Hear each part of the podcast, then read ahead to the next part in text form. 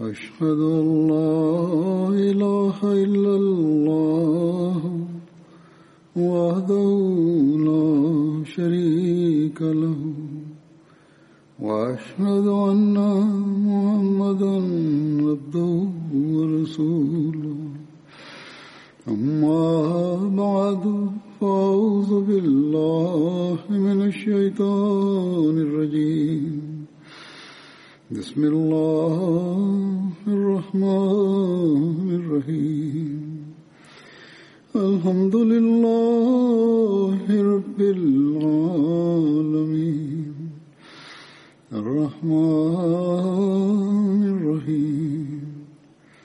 مالك يوم الدين. إياك نعبد وإياك نستعين اهدنا الصراط المستقيم. صراط الذين أنعمت عليهم. غير المغضوب عليهم ولا الضالين.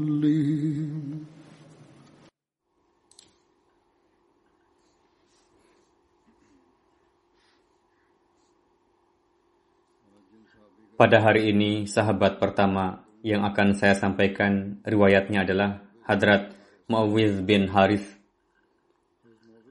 Hadrat Muawiz berasal dari kabilah Ansar Khajraj. Ayahanda Hadrat Muawiz adalah Haris bin Rafa. Ibunda beliau bernama Afra binti Ubaid.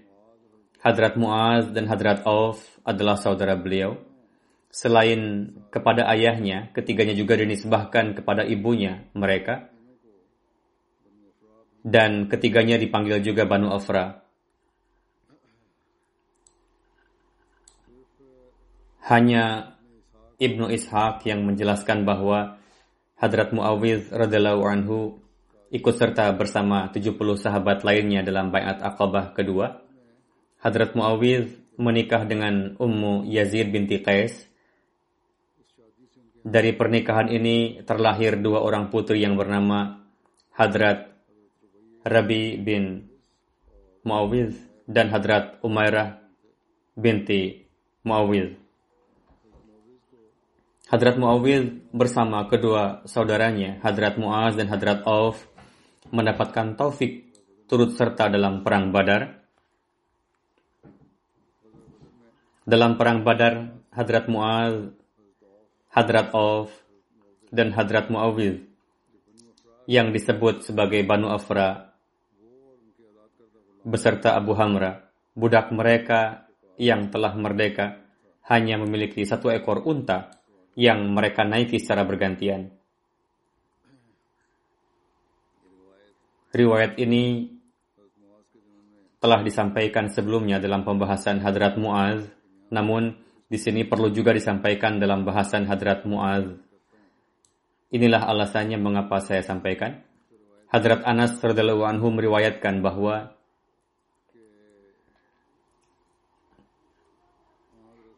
Hadrat Rasulullah Sallallahu Alaihi Wasallam bersabda pada hari perang Badar, siapa yang akan pergi melihat kondisi Abu Jahal, Hadrat Ibnu Mas'ud pergi dan melihat bahwa ia terluka parah karena tebasan-tebasan pedang kedua putra Afra sehingga mendekati kematiannya. Hadrat Ibnu Mas'ud bertanya, apakah kamu Abu Jahal? Hadrat Anas meriwayatkan bahwa Hadrat Abdullah bin Mas'ud memegang janggut Abu Jahal. Abu Jahal mengatakan, apakah kamu pernah membunuh seseorang yang lebih besar dari ini? Atau mengatakan bahwa kaumnya telah membunuhnya? Tidak pernah seorang yang besar seperti dirinya dibunuh oleh kaumnya sendiri. Dalam syarahnya, Hadrat Sayyid Zainul Abidin Waliullah Sahib menjelaskan riwayat Bukhari ini bahwa dalam beberapa riwayat lain dikatakan bahwa kedua putra Afra, Muawiz dan Muaz, telah membuat Abu Jahal sekarat. Kemudian Hadrat Abdullah bin Mas'ud mem- memisahkan kepalanya dari badannya. Imam Ibnu Hajar menyampaikan hipotesisnya bahwa setelah Hadrat Muaz bin Amru dan Hadrat Muaz bin Afra, Hadrat Muawiz bin Afra juga menebasnya. Menjelaskan mengenai peristiwa terbunuhnya Abu Jahal, Hadrat Khalifatul Masih yang kedua, radhiyallahu anhu bersabda,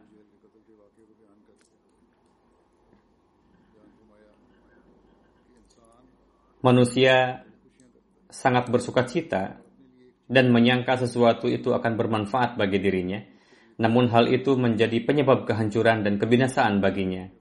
Pada kesempatan Perang Badar, ketika orang-orang kufar Mekah tiba, mereka beranggapan bahwa selesai sudah, kita telah membunuh orang-orang Islam, dan Abu Jahal mengatakan, kita akan merayakan Id dan akan banyak meminum anggur, dan beranggapan bahwa cukup sudah, sekarang kita hanya akan mundur setelah membunuh orang-orang Islam. Namun Abu Jahal ini kemudian dibunuh oleh dua orang anak laki-laki Madinah. Orang-orang kufar Mekah sangat menganggap rendah orang-orang Madinah dan ia, yakni Abu Jahal, mengalami nasib yang begitu menyedihkan sehingga keinginannya yang terakhir pun tidak terpenuhi. Di kalangan bangsa Arab terdapat tradisi bahwa jika seorang pemimpin terbunuh di peperangan, maka lehernya akan dipotong panjang supaya dikenali bahwa ini adalah seorang pemimpin. Hadrat Abdullah bin Mas'ud melihatnya ketika ia terkapar, tidak berdaya dan terluka, lalu ditanya, Bagaimana keadaanmu? Abu Jahal menjawab, Aku tidak menyesalkan hal yang lainnya, kecuali aku telah dibunuh oleh anak-anak petani Madinah dan dalam pandangan orang-orang Mekah, pekerjaan ini dianggap rendah dan mereka merasa bahwa orang-orang Madinah tidak mengerti apa-apa mengenai perang. Namun, siapa yang membunuhnya dan juga menghancurkan ketakaburannya? Orang-orang Madinah lah yang melakukannya. Bahkan anak-anak laki-laki mereka yang tidak begitu berpengalaman lah yang melakukannya. Hadrat Abdullah bertanya, Apakah kamu memiliki suatu keinginan? Abu Jahal menjawab, Keinginan, keinginanku adalah supaya leherku dipotong dengan sedikit dipanjangkan. Hadrat Abdullah mengatakan, keinginanmu ini pun aku tidak akan penuhi. Dan lehernya dipotong pendek. Ia yang ingin merayakan Id itu malah menderita kesedihan yang hebat dan minuman keras yang ia minum pun belum sempat ia cerna. Pada kesempatan perang Badar, Hadrat Muawiz syahid saat berperang. Yang mensyahidkan beliau adalah Abu Musafi.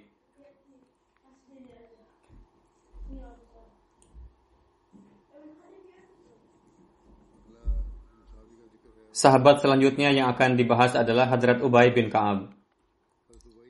Hadrat Ubay berasal dari Banu Muawiyah yang merupakan cabang dari kabilah Ansar Khajraj. Ayahanda Hadrat Ubay bernama Ka'ab bin Qais dan ibunda beliau bernama Sahilah binti Aswad. Hadrat Ubay bin Ka'ab memiliki dua nama panggilan. Yang pertama adalah Abu Munzir yang diberikan oleh Hadrat Rasulullah dan yang kedua adalah Abu Tufail yang diberikan oleh Hadrat Umar dikarenakan putra beliau yang bernama Tufail. Hadrat Ubay memiliki tinggi badan sedang, rambut dan janggut Hadrat Ubay berwarna putih. Beliau tidak merubah usia tua beliau dengan pewarna, yakni beliau tidak menggunakan pewarna rambut atau janggut. Hadrat Ubay bin Ka'ab ikut serta dalam bayat Aqabah kedua beserta 70 ansor lainnya. Hadrat Ubay sebelum masuk Islam pun telah mengerti baca tulis dan kemudian Hadrat Ubay mendapatkan kehormatan untuk menuliskan wahyu yang turun kepada Hadrat Rasulullah. Hadrat Rasulullah mempersaudarakan Hadrat Ubay dengan Hadrat Talha bin Ubaidullah. Sedangkan berdasarkan riwayat yang lainnya, Hadrat Rasulullah mempersaudarakan Hadrat Ubay dengan Hadrat Sa'id bin Zaid.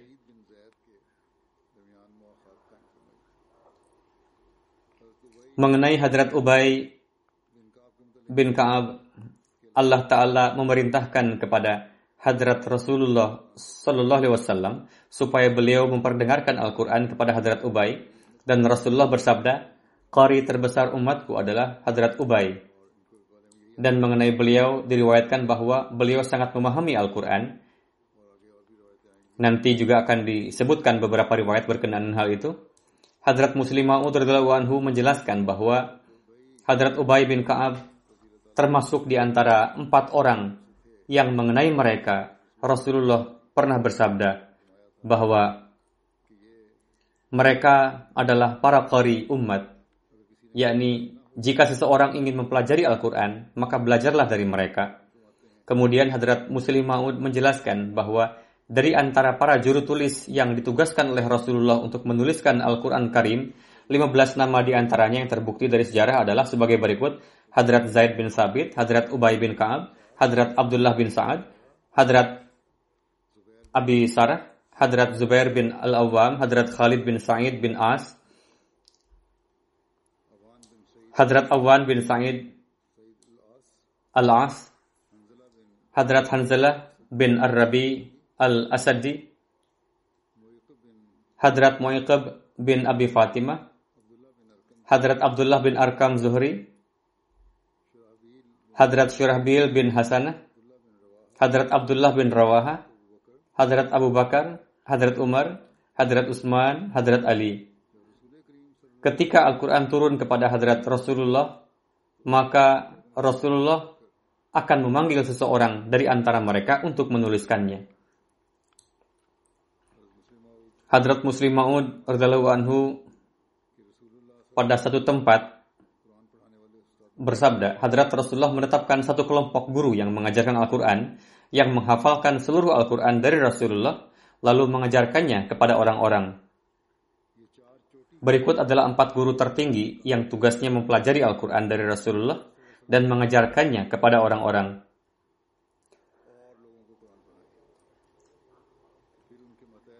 Kemudian di bawah mereka terdapat banyak sahabat lainnya yang mengajarkan Al-Quran syarif kepada orang-orang. Nama keempat guru besar tersebut adalah Hadrat Abdullah bin Mas'ud, Hadrat Salim Maula Abi Huzaifah, Hadrat Muaz bin Jabal, Hadrat Ubay bin Ka'ab anhum. Dua yang pertama adalah sahabat muhajir, sedangkan dua yang lainnya adalah sahabat ansar. Dan dari posisi profesi, Hadrat Abdullah bin Mas'ud adalah seorang buruh, Hadrat Salim adalah seorang budak yang telah merdeka, Hadrat Muaz bin Jabal dan Hadrat Ubay bin Ka'ab adalah termasuk di antara para pemimpin Madinah. Seolah-olah Hadrat Rasulullah menetapkan Qori dengan memperhatikan semua golongan.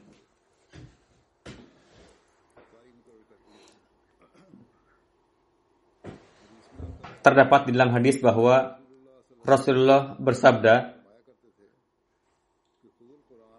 Khudul Quran min arba'atin Abdullah bin Mas'ud wa Salim wa Salimin wa Muaz bin Jabal wa Ubay bin Ka'ab. Siapa saja yang ingin mempelajari Al-Quran, pelajarilah Al-Quran dari keempat orang ini. Hadrat Abdullah bin Mas'ud, Hadrat Salim, Hadrat Muaz bin Jabal, dan Hadrat Ubay bin Ka'ab. Keempat orang ini adalah yang mengajarkan seluruh Al-Quran dari Rasulullah. Mereka mendengar dari Rasulullah dan memverifikasikannya.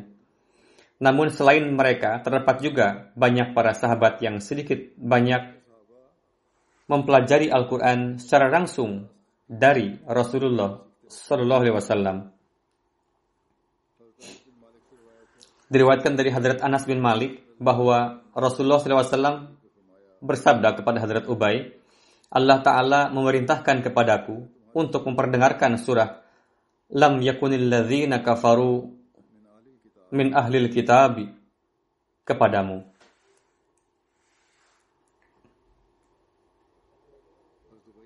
Hadrat Ubay bertanya, apakah Allah Ta'ala menyebut nama saya?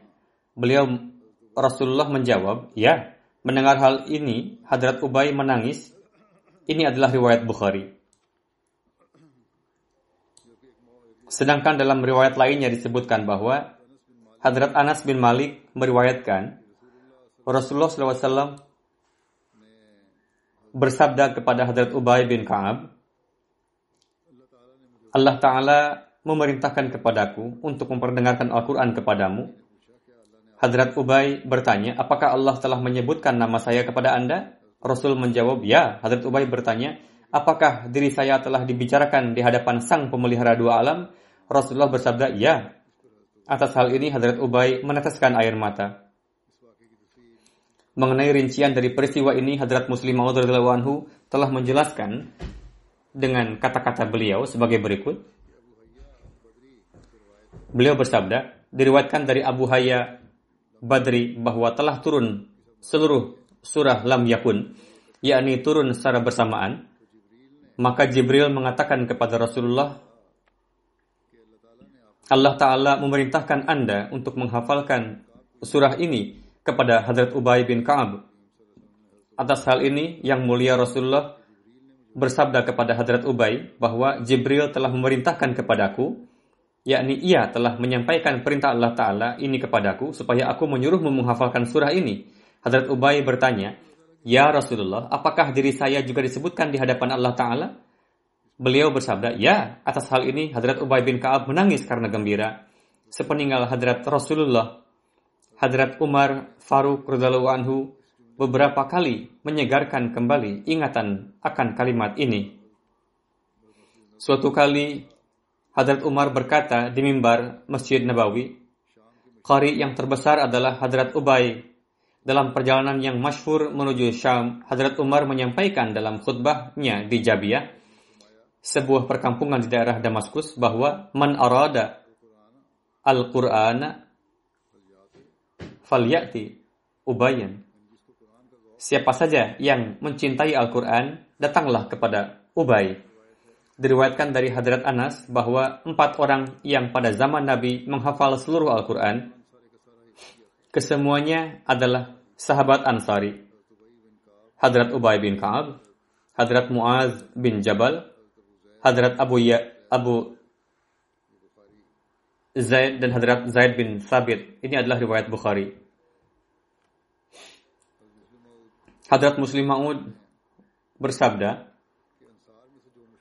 para hufaz, yakni para penghafal Al-Quran yang terkenal dari antara kaum Ansar, nama-namanya adalah Hadrat Ubadah bin Samit, Hadrat Muaz, Mujammi bin Harithah, Hadrat Fadalah bin Ubaid, Hadrat Maslamah bin Makhlad, Hadrat Abu Darda, Hadrat Abu Zaid, Hadrat Zaid bin Sabit, Hadrat Ubay bin Ka'ab, Hadrat Sa'ad bin Ubadah, dan Hadrat Ummu Waraqah. Hadrat Rasulullah bersabda, di kalangan umatku yang paling penuh kasih sayang adalah Hadrat Abu Bakar. Yang paling tegas dalam perkara-perkara agama adalah Hadrat Umar. yakni di dalam diri beliau terdapat prinsip-prinsip yang tegas. Dan dalam hal kerendahan hati yang paling sempurna adalah Hadrat Utsman.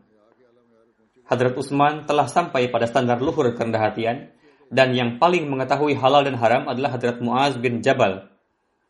Dan yang paling mengetahui hal-hal yang wajib, yakni kewajiban, adalah Hadrat Zaid bin Sabit. Dan yang paling mengetahui kiraat adalah Hadrat Ubay bin Ka'ab.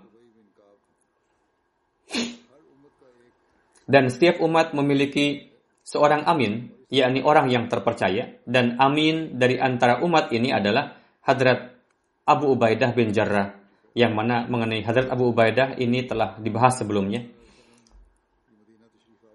Setelah kedatangan Hadrat Rasulullah di Madinah, juru tulis wahyu Hadrat Rasulullah yang pertama adalah Hadrat Ubay bin Ka'ab. Pada masa itu belum ada tradisi menuliskan nama juru tulis di akhir kitab atau Al-Quran. Yang paling pertama memulai tradisi ini adalah Hadrat Ubay bin Ka'ab. Setelahnya para sahabat-sahabat lainnya mengikuti tradisi ini yakni menuliskan nama penulisnya. Hadrat Ubay yang memulai hal ini, yakni setelah menulis lalu menuliskan nama sendiri di akhir, bahwa saya yang telah menulis. Setelah itu, hal ini menjadi cara yang reguler. Hadrat Ubay mendengar dan menghafalkan huruf per huruf Al-Quran dari lisan beberkat Rasulullah SAW Melihat antusiasme beliau, Hadrat Rasulullah pun memberikan perhatian khusus terhadap pengajaran kepada beliau. Ru'ub kenabian telah mencegah para sahabat untuk bertanya. Namun Hadrat Ubay radhiyallahu anhu tanpa sungkan menanyakan apa yang beliau ingin tanyakan kepada Rasulullah, yakni bukanlah maksudnya mengajukan pertanyaan yang tidak pantas, suatu pertanyaan yang ingin beliau ajukan yang tetap berada dalam koridor wibawa dan makom kenabian. Pertanyaan seperti itulah yang beliau sampaikan, namun tanpa merasa sungkan. Melihat antusiasme beliau, terkadang Hadrat Rasulullah sendiri yang memulai dan tanpa ditanya pun Rasulullah menjelaskannya. Suatu kali Hadrat Rasulullah SAW mengimami salat subuh. Dalam salat tersebut ada satu ayat yang terlupa. Hadrat Ubay tidak ikut serta dalam salat dari awal, melainkan ikut serta di pertengahan. Setelah selesai salat, Hadrat Rasulullah bertanya kepada orang-orang, apakah ada seseorang yang ingat bacaan saya? Semua orang terdiam. Kemudian Rasul bertanya, apakah ada Ubay bin Ka'ab? Hadrat Ubay bin Ka'ab telah menyelesaikan salatnya. Kira-kira ayat yang keliru atau terlupa tersebut dibaca pada rakaat kedua. Yang kemudian ayat tersebut didengar oleh Hadrat Ubay bin Ka'ab setelah kemudian beliau ikut serta dalam salat. Hadrat Ubay telah menyelesaikan salatnya. Beliau bertanya, Wahai Rasulullah, Anda tidak membaca ayat anu apakah ayat ini telah dimansuhkan ataukah Anda lupa? Hadrat Rasulullah menjawab, tidak, saya lupa saja membacanya. Setelah itu, Hadrat Rasulullah bersabda, ditujukan kepada Hadrat Ubay, bahwa saya telah mengetahui bahwa selain kamu, tidak ada yang seorang pun yang menyadari hal ini. Hadrat Ubay bin Ka'ab meriwayatkan, saya sedang berada di masjid ketika seseorang masuk. Ia mulai melaksanakan salat. Kemudian ia membaca suatu kiraat yang asing bagi saya. Kemudian seseorang yang lainnya masuk. Ia menelawatkan kiraat yang berbeda dari kawannya. Ketika kami selesai salat, lalu kami semua menghadap hadrat Rasulullah. Saya bertanya, orang ini telah membaca Al-Quran dengan surat suatu kiraat yang asing bagi saya. Saya berkata, Orang ini membaca Al-Quran dengan kiraat yang menurut saya aneh, lain dari biasanya. Lalu datang orang kedua, ia membaca Al-Quran dengan kiraat yang berbeda dari orang yang pertama. Rasulullah bersabda kepada kedua orang itu bahwa, Coba perdengarkan kepada saya bacaannya.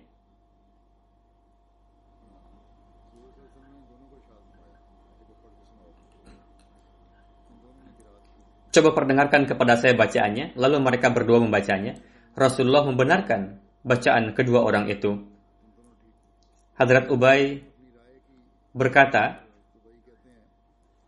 setelah mengetahui bahwa Rasulullah membenarkan bacaan kedua orang itu dan sekaligus membantah anggapan saya yang keliru, saya merasa sangat malu dan itu tidak pernah terjadi pada zaman jahiliyah pun.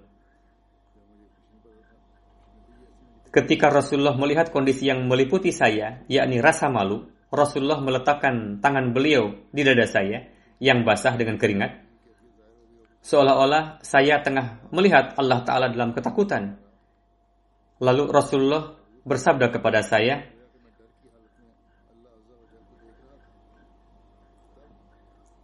Rasulullah bersabda, Wahai Ubay,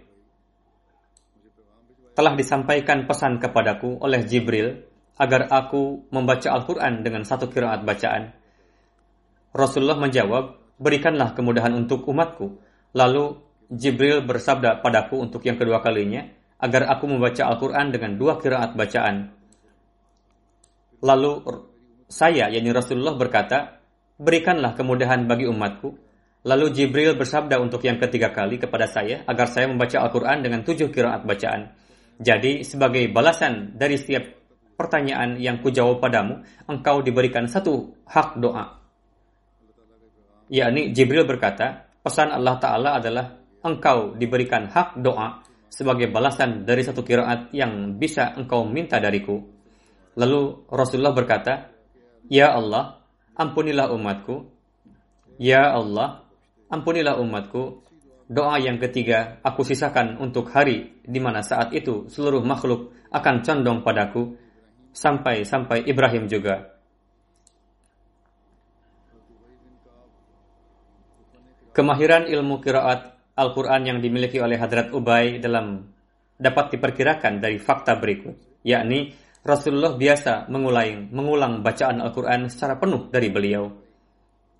Sebagaimana pada tahun kewafatan Rasulullah, beliau Sallallahu Alaihi Wasallam memperdengarkan bacaan Al-Quran kepada Hadrat Ubay dan bersabda, Jibril berkata kepadaku, perdengarkanlah Al-Quran kepada Ubay. Lalu Hadrat Rasulullah memperdengarkannya kepada Hadrat Ubay. Pada zaman beberkat Rasulullah, Hadrat Ubay pernah mengajar Al-Quran kepada seseorang dari Iran ketika diajarkan padanya untuk mengucapkan ayat Inna syajarat zakum ta'amun asim, asim. Orang Iran itu tidak dapat melafazkan asim dengan benar, setiap kali diminta mengucapkan asim, ia malah melafazkan yatim.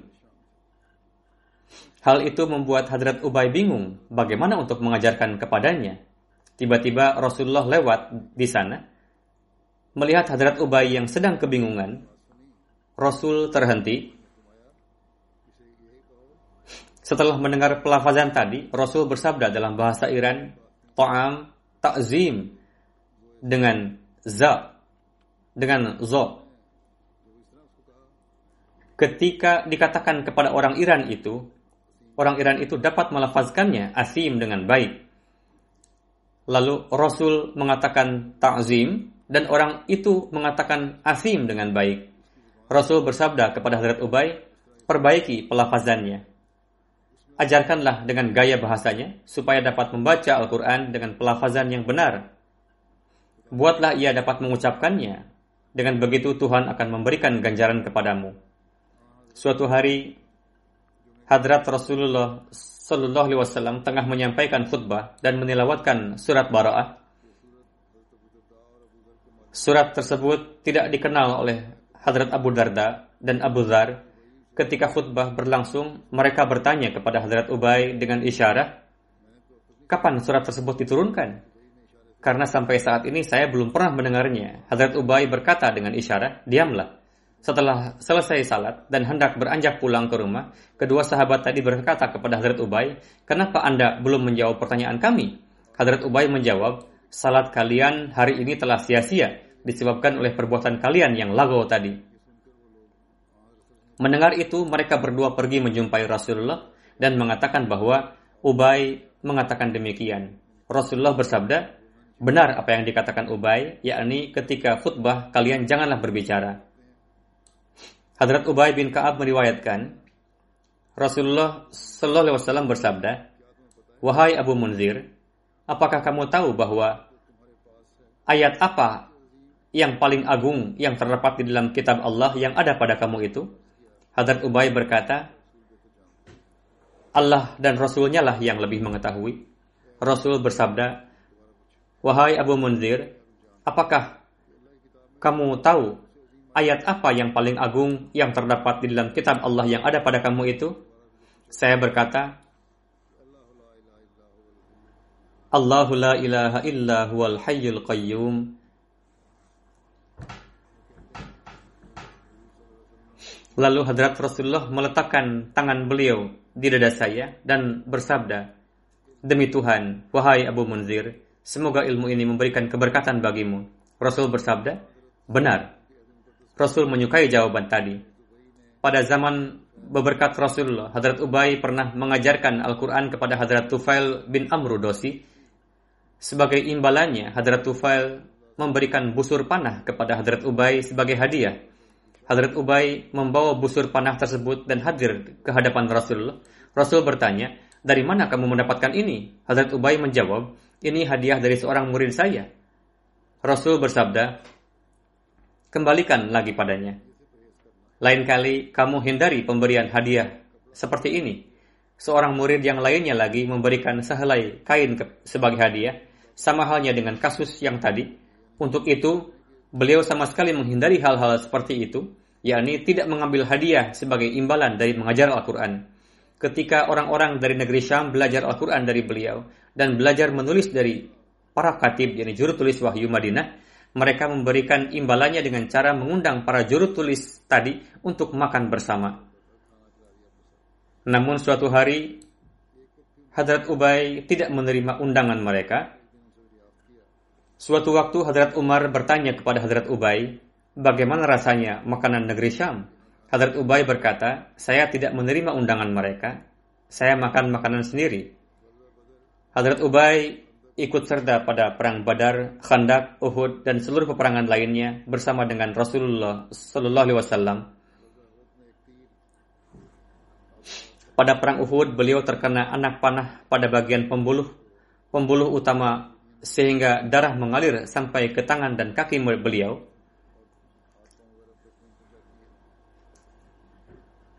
Lalu hadrat Rasulullah memanggilkan seorang tabib untuk mengobati beliau. Tabib memotong salah satu otot beliau lalu menyengatnya dengan besi panas. Satu peristiwa pada perang Uhud yang pernah disampaikan juga sebelum ini dan akan saya sampaikan lagi saat ini secara singkat. Setelah perang, Hadrat Rasulullah bersabda kepada Hadrat Ubay, "Pergilah dan lihat kondisi pasukan yang terluka." Lalu sampailah di tempat Hadrat Sa'ad bin Rabi yang saat itu sedang terluka parah dan menghembuskan nafas terakhir, Hadrat Ubay bertanya, sampaikanlah jika ada pesan terakhir untuk keluarga yang ditinggalkan. Hadrat Sa'ad sambil tersenyum berkata, Memang saya sedang menunggu-nunggu ada pasukan muslim yang datang kemari untuk saya titipkan pesan. Ia berkata, letakkan tanganmu di atas tanganku dan berjanjilah bahwa kamu akan menyampaikan pesanku ini. Beliau berkata, sampaikanlah salamku kepada saudara muslimku dan katakan kepada kerabatku bahwa Rasulullah merupakan amanat terbaik yang kita miliki dari Allah Ta'ala dan kami terus melindungi amanat tersebut dengan jiwa kami. Sekarang kami akan meninggalkan dunia ini dan kami serahkan tanggung jawab ini di pundak kalian. Jangan sampai kalian memperlihatkan kelemahan dalam menjaga amanat ini. Ketika zakat diwajibkan pada tahun 9 Hijriah dan Rasulullah mengutus para amil zakat ke berbagai daerah di Arab untuk menarik zakat, Hadrat Ubay bin Ka'ab ditetapkan untuk menarik zakat kepada Banu Bali, Banu Azhar, dan Banu Sa'ad. Suatu hari Hadrat Ubay pergi ke suatu desa, lalu seorang peternak membawa seluruh ternaknya dan diperlihatkan kepada Hadrat Ubay agar memilih salah satu di antaranya sebagai zakat. Hadrat Ubay memilih anak unta yang berumur dua tahun. Peternak tersebut berkata, apa gunanya seekor anak unta yang berusia setahun? Engkau tidak dapat mengambil susunya atau menungganginya. Aku memiliki seekor unta betina yang telah dewasa dan gemuk, ambillah itu sebagai gantinya. Hadrat Ubay bin Ka'ab berkata, tugas yang diberikan kepadaku tidak membenarkan aku mengambil lebih dari apa yang ditetapkan oleh Rasulullah. Karena itu, Hadrat Ka'ab berkata, lebih baik kamu ikut dengan saya ke Madinah untuk menjumpai Rasulullah apa yang beliau sabdakan, kamu harus mengamalkannya. Peternak itu setuju. Akhirnya orang tersebut mengikuti Ubay bin Ka'ab menemui Rasulullah sambil membawa unta betinanya, lalu menceritakan semua yang terjadi. Rasulullah bersabda, jika memang itu yang kamu kehendaki, yakni kamu ingin memberikan unta betina dewasa, silakan saja. Pemberian kamu ini akan diterima dan Allah akan memberikan ganjaran atasnya. Lalu diserahkanlah unta betina tersebut ke hadapan Rasulullah lalu kembali pulang. Pada zaman kekhalifahan Hazrat Abu Bakar, tugas penyusunan dan tadwin Al-Quran, yakni pengumpulan dan tata letak penulisan Al-Quran, telah dimulai. Adapun Hazrat Ubay ditetapkan sebagai pengawas bagi para sahabat yang mendapatkan tugas tersebut. Hazrat Ubay membacakan dan sahabat lain menuliskannya. Karena para sahabat yang ditugaskan tersebut adalah orang-orang yang memiliki keilmuan tinggi, untuk itu terjadi diskusi dan tukar pikiran ketika membahas ayat-ayat ketika sampai pada surat At-Taubah yang berbunyi summan sarafu sarafallahu kulubahum bi'annahum qawmul la yafqahun. Orang-orang berkata bahwa ayat tersebut turun paling akhir. Hadrat Ubay berkata, tidak. Setelah ayat tersebut, Rasulullah membacakan dua ayat lagi kepada saya jadi bukan yang terakhir, melainkan urutan ketiga sebelum dua ayat terakhir. Hadrat Umar pada zaman kekhalifahannya telah menambahkan ratusan hal-hal yang bermanfaat. Salah satu di antaranya adalah beliau mendirikan lembaga majelis syura. dalam Islam, Majlis Syuro berdiri pada zaman Hadrat Umar. Yang masuk dalam majlis tersebut adalah para tokoh dari kalangan Ansar dan Muhajirin. Adapun dari kabilah Khajraj diwakili oleh Hadrat Ubay bin Ka'ab. Jabir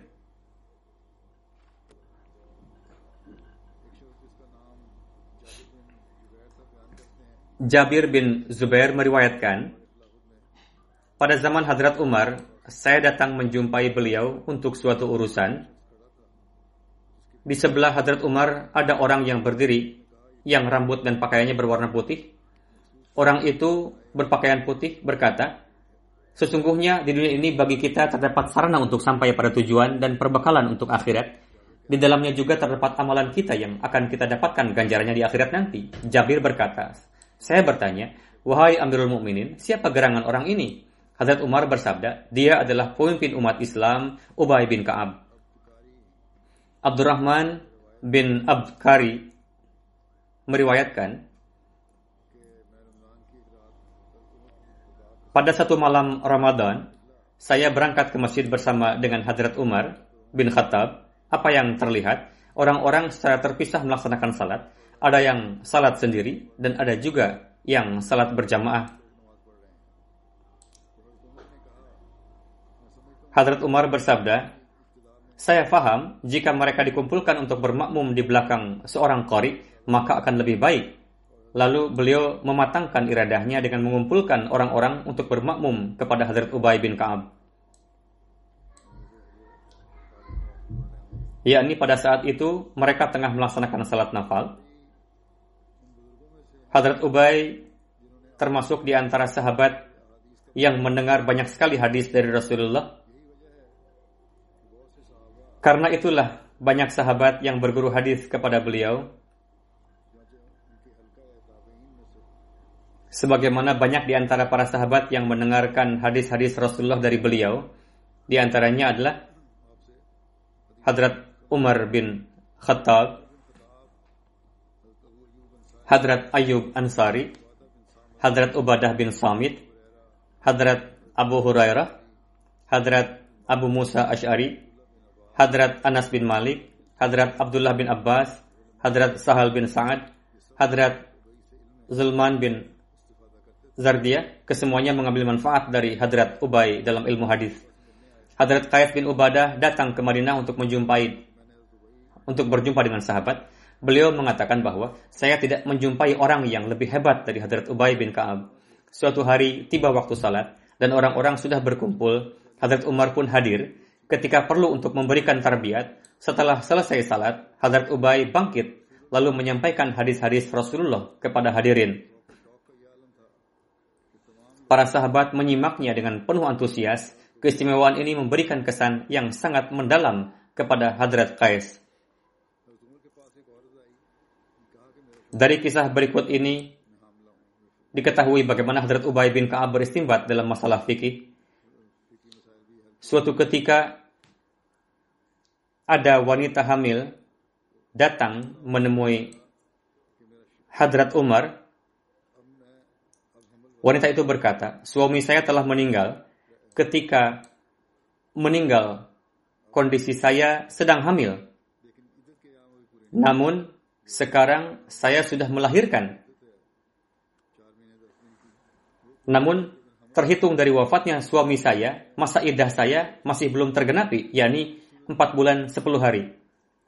Dalam hal ini bagaimana pendapat Tuan? Apakah saya harus memenuhi masa idah ini atau cukup? Hadrat Umar bersabda, kamu tunggulah sampai berakhir masa idah, yakni penuhi idah bagi seorang janda yang ditinggalkan suami setelah dari Hadrat Umar, wanita itu pergi menemui Hadrat Ubay bin Ka'ab untuk menanyakan hal tersebut. Ia terlebih dahulu menceritakan bahwa ia telah meminta fatwa dari Hadrat Umar dan memberitahukan jawaban beliau. Hadrat Ubay berkata, Anda pergi kepada Hadrat Umar dan katakan kepada beliau bahwa Ubay mengatakan bahwa wanita ini sudah halal, yakni sekarang sudah tidak perlu lagi memenuhi masa iddah lagi. Jika Hadrat Umar bertanya mengenai saya, maka Anda cari saja saya di sini. Wanita tersebut datang memenuhi, menemui Hadrat Umar lagi. Hadrat Umar bersabda, kalau begitu panggil kemari Hadrat Ubay. Datanglah Hadrat Ubay. Hadrat Umar bertanya, dari mana rujukan Anda mengenai mengatakan demikian? Ubay menjawab, dari Al-Quran. Lalu beliau membacakan ayat, wa ulatu al-ahmali ajalahunna aw yadha'na hamlahunna. Berkenaan dengan wanita hamil, iddah bagi mereka adalah sampai melahirkan anak. Setelah itu berkata bahwa wanita yang menjadi janda dalam keadaan hamil termasuk di dalamnya. Saya telah mendengar hadis mengenai itu dari Rasulullah Hadrat Umar berkata kepada wanita itu, kamu amalkan saja apa yang dikatakan Ubay, itu adalah benar. Rumah paman Hadrat Abbas terletak menyatu dengan Masjid Nabawi. Hadrat Umar ingin memperluas masjid tersebut lalu bersabda kepada Hadrat Abbas, kamu jual saja rumahmu, karena saya akan menyatukannya dengan masjid. Hadrat Abbas menolak hal itu. Hadrat Umar bersabda, baiklah, kalau begitu hibahkan saja. Abbas juga mengingkarinya lagi. Hadrat Umar bersabda,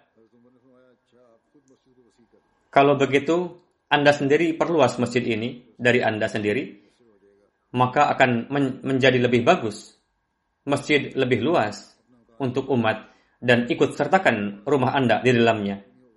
Hadrat Abbas berkata, saya tidak setuju dengan ketiga pilihan tersebut. Hadrat Umar kemudian bersabda, di antara tiga hal ini Anda harus memilih salah satunya. Hadrat Abbas menjawab, aku tidak akan menyerahkan satupun. Pada akhirnya, mereka berdua menjadikan Hadrat Ubay bin Ka'ab sebagai penentu. Sampailah perkara ini kepada Hadrat Ubay bin Ka'ab. Hadrat Ubay mengatakan kepada Hadrat Umar bahwa tanpa persetujuan Anda tidak berhak mengambil properti beliau. Kemudian bersabda bahwa tidak, Anda tidak dapat mengambilnya. Hadrat Umar bertanya kepada Hadrat Ubay, Berkenaan dengan ini, apakah Anda memutuskan berdasarkan Al-Quran atau hadis? Hadrat Ubay bersabda bahwa berdasarkan hadis berikut, bahwa ketika Hadrat Sulaiman alaihissalam membangun Baitul Muqaddas, lalu satu dindingnya yang dibangun di atas tanah, seseorang terjatuh.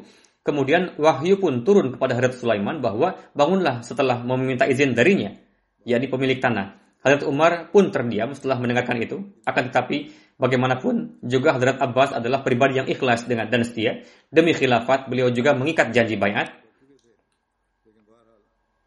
Beliau juga terlena dengan kondisi dirinya, sehingga suatu kali telah menolak permohonan Hadrat Umar, tetapi bagaimanapun juga sekarang tidak ada kebaikan dan ketakwaan, tapi garat keagamaan masih ada.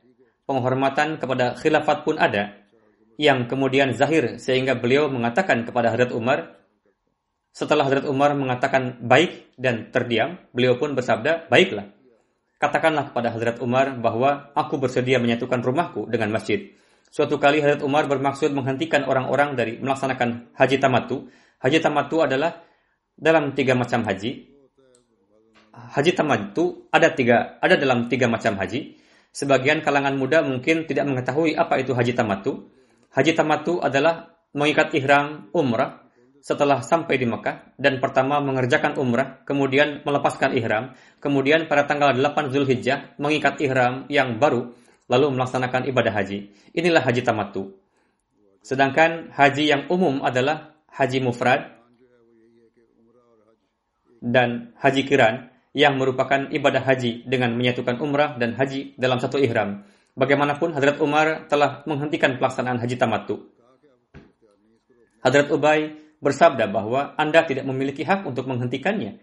Hadrat Umar, Hadrat Ubay menghentikan Hadrat Umar dan mengatakan bahwa ini tidak bisa. Ini adalah kekeliruan.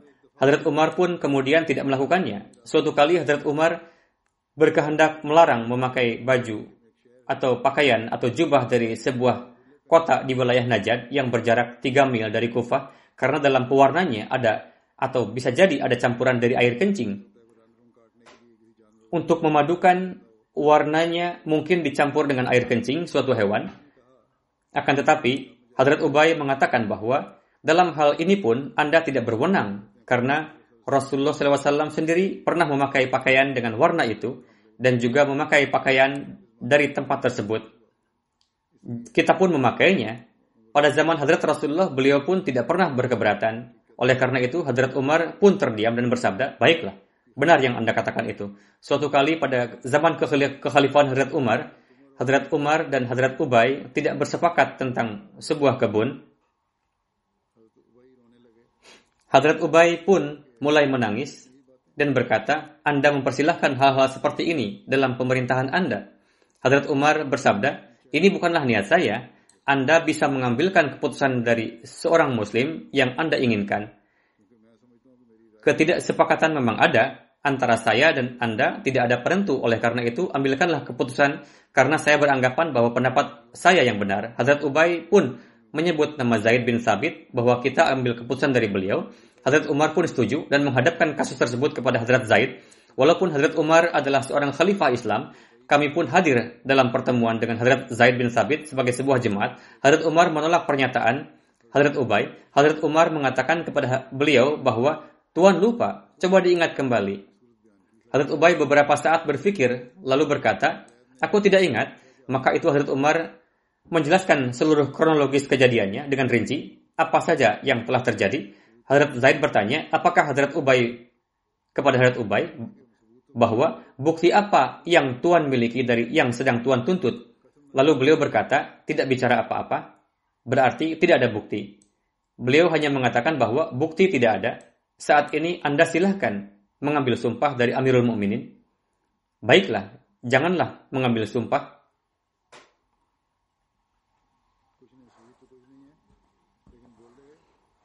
Kalau tidak ada bukti, itu tidak mengapa, akan tapi katakanlah. Tertulis, janganlah mengambil sumpah dari Amirul Mukminin. Seharusnya silahkan mengambil sumpah. Hadrat Umar bersabda, jika aku harus bersumpah, maka aku pun tidak memperdulikan apa pun dalam hal ini, bahwa ambil atau tidak ambil. Bagaimanapun juga setelah itu telah diputuskan, apa pun itu. Hadrat Utsman bin Affan telah memilih 12 laki-laki dari Quraisy dan Ansar dalam pengumpulan Al-Quran yang di dalamnya juga termasuk Hadrat Ubay bin Ka'ab dan Hadrat Zaid bin Sabit. Pada zaman Hadrat Utsman sudah merupakan hal yang umum kalau berbeda aksen dalam pembacaan Al-Quran. Berdasarkan hal ini, beliau pun ingin menghapuskan perbedaan ini dan sendiri meminta kepada para sahabat kiraat untuk untuk mendengar kiraat yang berbeda dari setiap orang. Hadrat Ubay bin Ka'ab, Hadrat Abdullah bin Abbas, dan Hadrat Muaz bin Jabal menemukan berbagai perbedaan pada semua aksen. Melihat ini, Hadrat Utsman bersabda bahwa saya ingin menyatukan seluruh umat muslim pada satu jenis kiraat Al-Quran. Ada 12 orang dari Quraisy dan Ansar yang sepenuhnya mengetahui tentang Quran. Hadrat Utsman menugaskan pekerjaan penting ini kepada mereka dan menunjuk Hadrat Ubay sebagai ketuanya. Beliau, yakni Hadrat Ubay, terus mengucapkan lafaz-lafaz Al-Quran dan Hadrat Zaid terus menuliskannya. Pada masa ini, berapapun naskah Quran Majid yang ada, itu adalah berdasarkan kiraat Hadrat Ubay bin Ka'ab.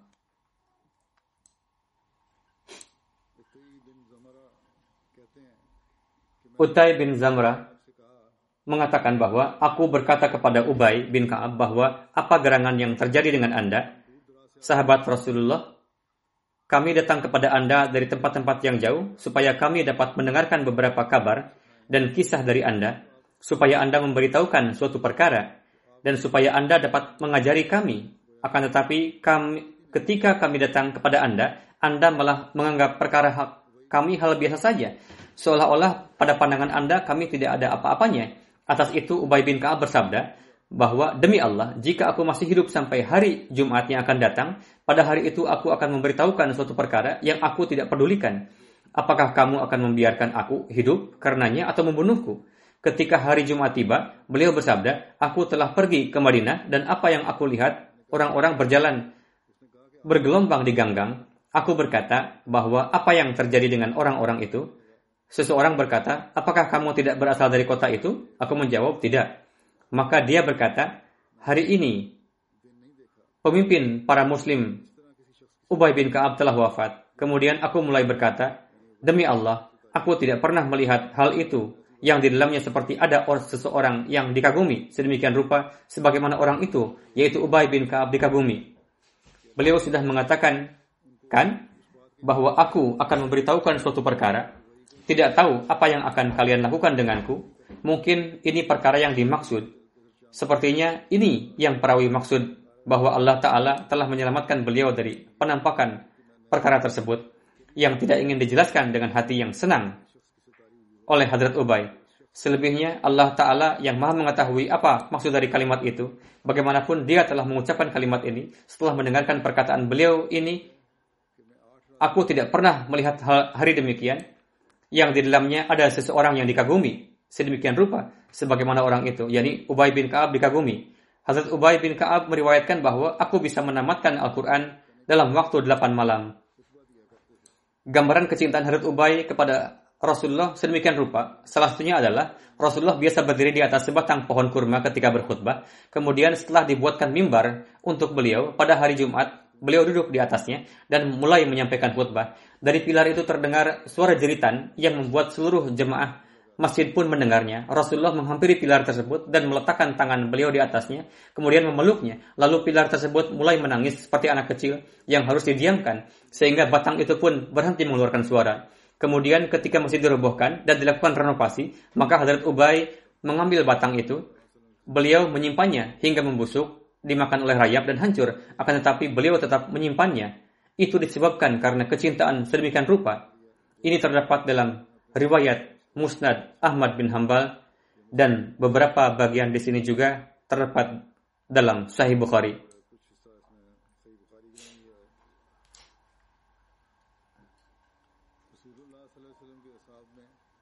Dahulu ada enam kazi di antara para sahabat Rasulullah, yakni Hadrat Umar, Hadrat Ali, Hadrat Abdullah bin Mas'ud, Hadrat Zaid bin Sabit, Hadrat Abu Musa Ash'ari, dan Hadrat Ubay bin Ka'ab. Samura bin Jundub adalah sahabat yang beliau yang begitu dihargai. Dalam salat, beliau selalu memberikan sedikit jeda setelah takbir dan membaca surah. Setelah membaca takbir, beberapa saat beliau diam, kemudian membaca surah Al-Fatihah. Orang-orang pun memprotes beliau.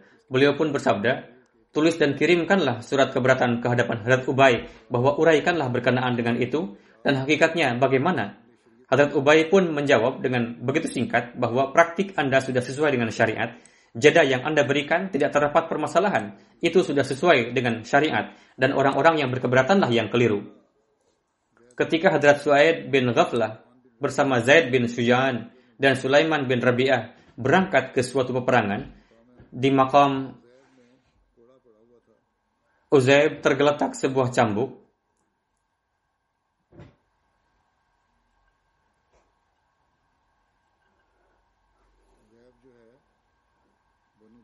Uzaib adalah sebuah lembah Banu Tamim. Terdapat sebuah tempat berair di antara Karsia dan Mughsyah yang berjarak 4 mil dari Kadsia. Kemudian Hadrat Suaid mengambil cambuk tersebut. Orang-orang itu berkata, buanglah, mungkin itu milik seseorang muslim. Beliau berkata, aku sama sekali tidak akan membuangnya. Kalau aku membiarkannya, tergeletak, maka serigala nanti akan memakannya. Ini akan menjadi makanan mereka. Lebih baik aku memanfaatkannya. Beberapa hari kemudian, Hadrat Suhaid berkeinginan untuk berangkat melaksanakan ibadah haji. Di jalan beliau sampai di kota Madinah dan pergi menjumpai Hadrat Ubay dan menceritakan tentang cambuk tersebut. Hadrat Ubay pun bersabda, peristiwa seperti ini pun pernah disampaikan kepadaku. Aku pernah menemukan 100 dinar pada zaman Rasulullah. Sekarang, apakah itu cambuk atau 100 dinar? Setiap benda masing-masing memiliki nilai. Itu tetaplah sebuah amanat. Sekarang, lain selanjutnya, dengarkanlah apa yang Rasulullah sabdakan. Hadrat Ubay mulai bersabda bahwa Hadrat Rasulullah telah memerintahkan bahwa jika menemukan suatu benda, maka selama setahun penuh teruslah kabarkan kepada orang-orang, teruslah umumkan kepada orang-orang. Setelah lewat satu tahun, ingatlah tandanya dan lain-lain, dan tunggulah satu tahun lagi. Jika ada seseorang yang mencari dan mengenal tanda itu, maka serahkanlah kepada dia. Kalau tidak, maka itu sudah menjadi milikmu. yakni dua tahun penuh, apa pun benda yang kalian temukan, iklankanlah selama satu tahun, dan ingatlah tanda-tandanya selama satu tahun. Kemudian jika ada, yang mengenalinya, maka serahkanlah kepadanya. Suatu kali ada seseorang meributkan sebuah benda yang hilang dan di masjid eh, di masjid dan meng, meng, mengumumkannya di masjid bahwa barangku yang ini telah hilang. Melihat hal itu, Hadrat Ubay geram. Lalu orang itu berkata bahwa aku toh tidak membicarakan tentang hal yang tidak senonoh di masjid. Beliau pun bersabda, ya benar. Akan tetapi ini juga bertentangan dengan adab masjid dengan diumumkannya sebuah barang duniawi. Berkenaan dengan tahun kewafatan Hadrat Ubay, terdapat berbagai riwayat. Berdasarkan sebuah riwayat, Hadrat Ubay wafat pada masa kekhil kekhilafahan Hadrat Umar tahun 20 Hijri. Sedangkan berdasarkan satu riwayat yang lainnya, beliau wafat pada masa kekhalifahan Hadrat Umar tahun 30 Hijri dan ini yang lebih mendekati kebenaran karena Hadrat Utsman memberikan tanggung jawab pengumpulan Al-Quran kepada beliau. Hadrat Ubay memiliki keturunan yaitu Tufail dan Muhammad dan nama ibunda mereka adalah Ummi Tufail bin binti Tufail. Beliau berasal dari kabilah Daus. Dikatakan juga bahwa Hadrat Ubay memiliki seorang putri bernama Ummu Ammar. Riwayat beliau pun selesai sampai di sini. Alhamdulillah الحمد لله نحمده ونستعينه ونستغفره ونؤمن به ونتوكل عليه ونعوذ بالله من شرور أنفسنا ومن سيئات أعمالنا. من يهده الله فلا مضل له ومن يضلل فلا هادي له. ونشهد أن لا إله إلا الله. ونشهد أن محمدا عبده ورسوله. عباد الله رحمكم الله. إن الله يأمر بالعدل واللسان وإيتاء ذي القربى وينهى عن الفحشاء والمنكر والبغي يعظكم لعلكم تذكرون. اذكروا الله يذكركم وادعوه يستجب لكم ولذكر الله أكبر